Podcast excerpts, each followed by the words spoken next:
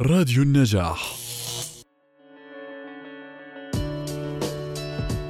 عندنا نوعين من اضطراب ثنائي القطب اضطراب ثنائي القطب واحد واضطراب ثنائي القطب آه اثنين.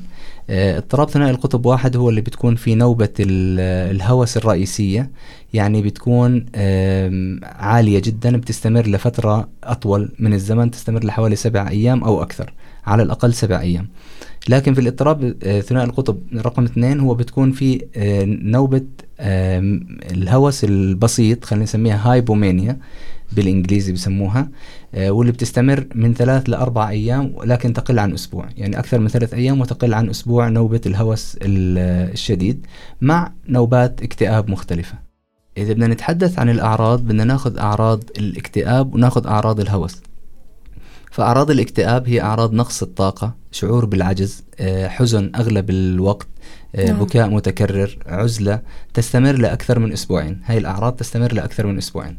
بالإضافة لا على الجانب الآخر عندنا نوبة الهوس. نوبة الهوس هي بتكون عبارة عن مجموعة من الأعراض اللي بيكون الشخص فيها منطلق وطاقته آه، عالية جدا. فبتكون عنده قلة النوم عدد ساعات النوم اللي بينامها أقل من ثلاث ساعات يوميا.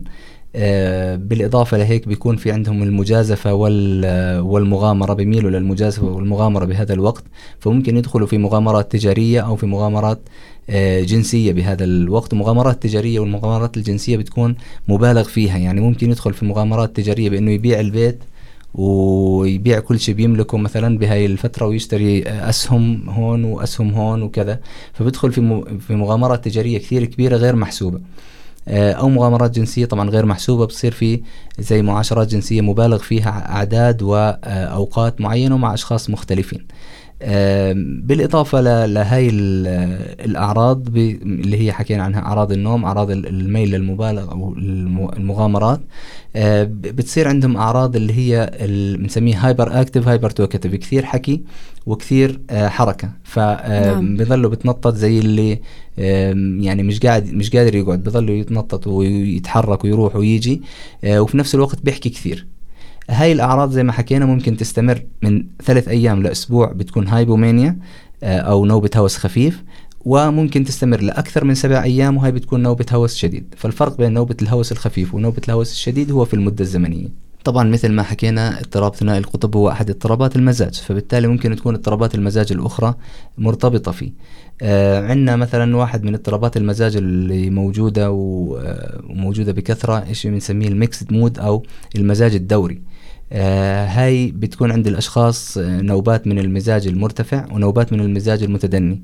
في الفرق بينها وبين ال bipolar أو الثنائي القطب آه بالمزاج الدوري ما بيوصل الشدة تبعت الهو نوبة الهوس ولا بيوصل الشدة تبعت الاكتئاب. ففي أسوأ حالات الاكتئاب في أسوأ حالات الحزن ما بصير اكتئاب وفي أسوأ حالات الهوس ما بصير كمان خلينا نحكي يعني بأسوأ حالات الهوس يعني أو المزاج المرتفع ما بيوصل لمرحلة الهوس في المزاج الدوري.